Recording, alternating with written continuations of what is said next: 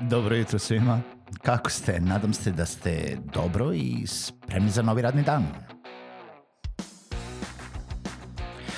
Pozdrav svima i dobrodošli na podcast Male pobede, stari novi podcast koji, well, koji je tu da bi vam kroz pitanje i savete dao motivaciju, pokrenuo vas u pozitivnom smeru i pomogao da ovaj dan počne bolje, jače i možda čak i zabavnije. Moje ime je Željko Crnjaković.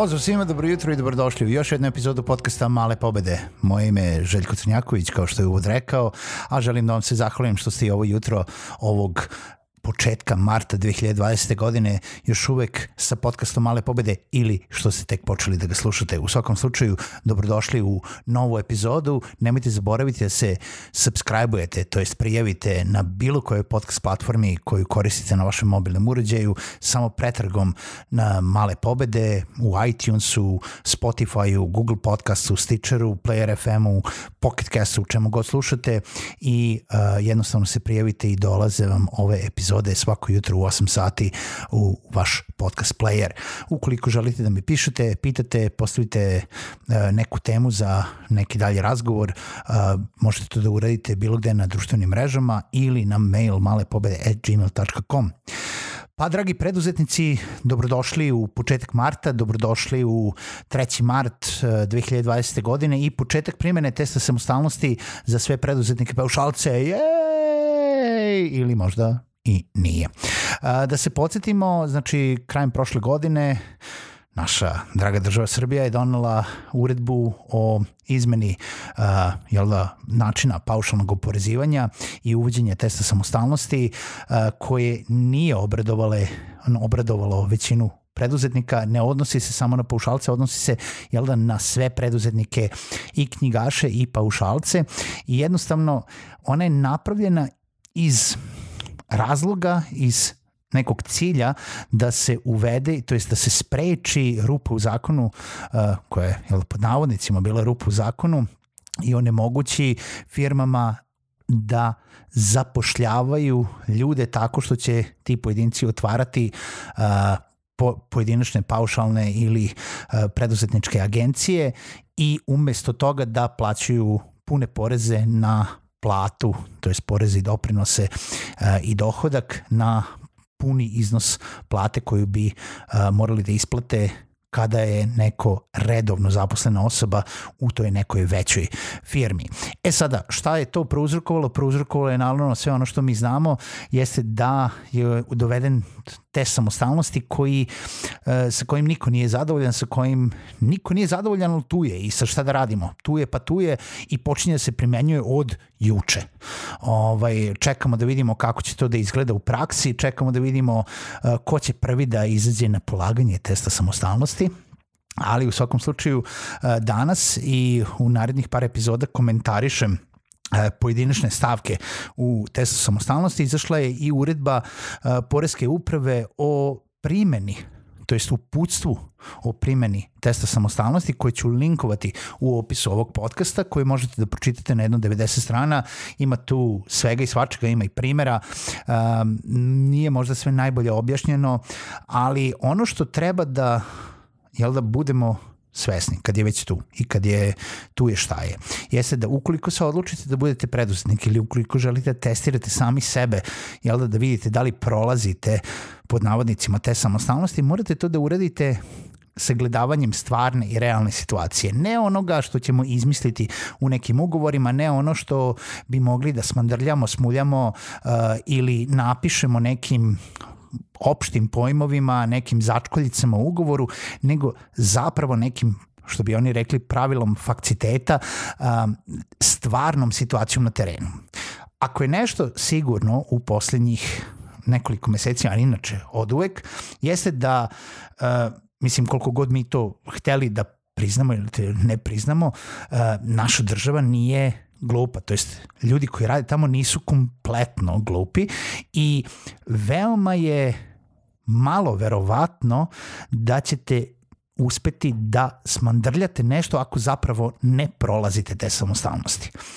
E, nema sad tu neke priče, oni neće videti to ako ja to ne prikažem, ako ja ne radim kroz neku našu banku, nego radim sa nekom stranom bankom, sve se to može otkriti. To je kad smo nekada pričali, kada smo uh, pričali freelanceri uh, da, ne znam, ukoliko radite samo putem pionira ili radite na crno, pa sad to ne mogu oni meni ništa zato što ne vide, jel da pionir karticu, to ne ide preko naših banaka, ja to ne moram da prikažem. Sve se to može videti. Niko nije glup, niko nije uh, neodgovoran i sa, sama izjava pionira koju smo uh, čuli pre čak nekoliko možda i godina godinu dana ili više, jeste da ukoliko budu tražene informacije, ta firma će to da da. Znači, ukoliko bude od neke nadležne ustanove uh, došao zahtev o otkrivanju informacije o vašim transakcijama, Pionir će to da pošalje.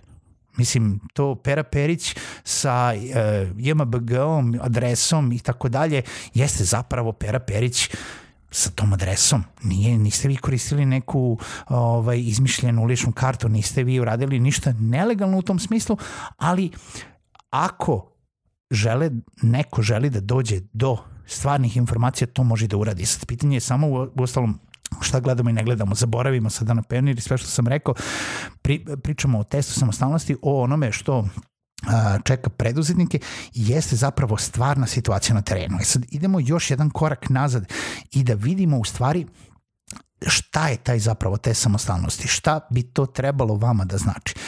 Te samostalnosti ne polažete vi kao preduzetnik, pa sad polagat ćemo jedan test samostalnosti da vi vidite da li se samostalni. Te samostalnosti se primenjuje na svakog pojedinačnog klijenta koji imate. Sad, na primer, dođe vam kontrola, dođe poreski inspektor, može da izbere bilo kog vašeg klijenta i da zajedno, jel da, to jest da uredite te samostalnosti na osnovu tog jednog klijenta, nebitno da li je on domaći ili strani klijent, na osnovu transakcija koje ste imali sa tim klijentom, na osnovu ugovora koje imate sa tim jednim klijentom, na osnovu tog jednog ili više poslova, na osnovu perioda sa kojim ste radili sa njime. Znači, nije bitno da vi imate recimo 100 klijenata ako ste zapravo zaposleni za jednog, pod navodnicima zaposleni, u stvari obavljate većinu svog posla za jednog klijenta, može da se izabere baš samo taj jedan klijent i na njemu da padnete te samostalnosti u odnosu na to. Šta se dešava ako padnete te samostalnosti, to jest ako ne prođete? Pa ukoliko imate domaćeg klijenta, onda zapravo i niste prošli te samostalnosti, dužni ste, dužni su u stvari vaši klijenti da plate kompletne poreze i doprinose na iznos koji je fakturisan u periodu od 1. marta 2020. godine, to je kada se počinje gledati te samostalnosti, za to, uh, za tu transakciju ili te transakcije koje kada budete radili te samostalnosti budete imali, na teret domaćeg klijenta, znači ne na vas. Znači ukoliko vi radite sa domaćim klijentom, niste vi pod navodnicima u opasnosti, nego vaš klijent, u stvari firma koja vas je zaposlila. Ono što predstavlja problem celih ovih izmena i ono što je jeste uh, rupa koja još uvek nije ispravno rešena uh, i ljudi koji su najviše jel da, o, ovaj, na neki način uh, pogođeni ovim jeste ukoliko imate stranog klijenta i ukoliko imate tog jednog stranog klijenta sa kojim padate te samostalnosti. Zapravo, ukoliko imate stranog klijenta, vaš klijent ne polaže te samostalnosti, nego polažete vi te samostalnosti i ukoliko padnete u odnosu na stranog klijenta, obaveze plaćanja porezi doprinose na iznose koji vam je on uplatio spada na vas. E sad, naravno da taj strani klijent, ukoliko vi radite za jednog stranog klijenta i zapravo radite najlegalnije što možete tako što ste otvorili preduzetničku agenciju, jer taj klijent nije imao nameru da otvori uh, firmu u Srbiji zato da bi zaposlio vas kao jednu osobu, ali vi imate gomilu posla za njega, radite u određeno radno vreme, radite sa gomilom drugih stvari koje padate te samostalnosti, možemo pričati sutra od, o pojedinačnim tačkama, jeste zapravo ta, mislim, nepredviđena situacija i rupa koja pogađa ljude koji trenutno rade na najlegalniji mogući način za tog stranog klijenta koji nikada neće otvoriti firmu u Srbiji samo radi vas.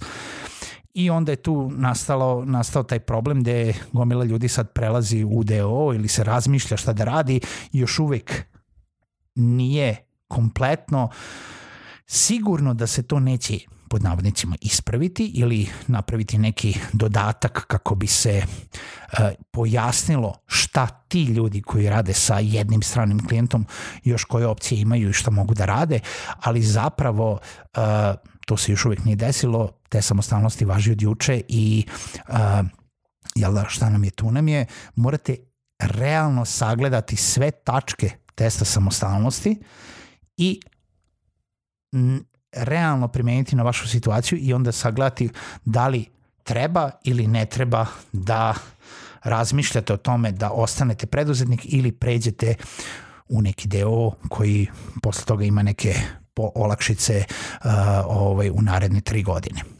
E sad, toliko za ovu epizodu, a u sutrašnjoj idemo tačku po tačku i pričamo o tome jel da šta bi mogla da bude situacija kada razmatrate uh, i primenjujete te samostalnosti na pojedinačni slučaj koji vi imate. Čujemo se sutra.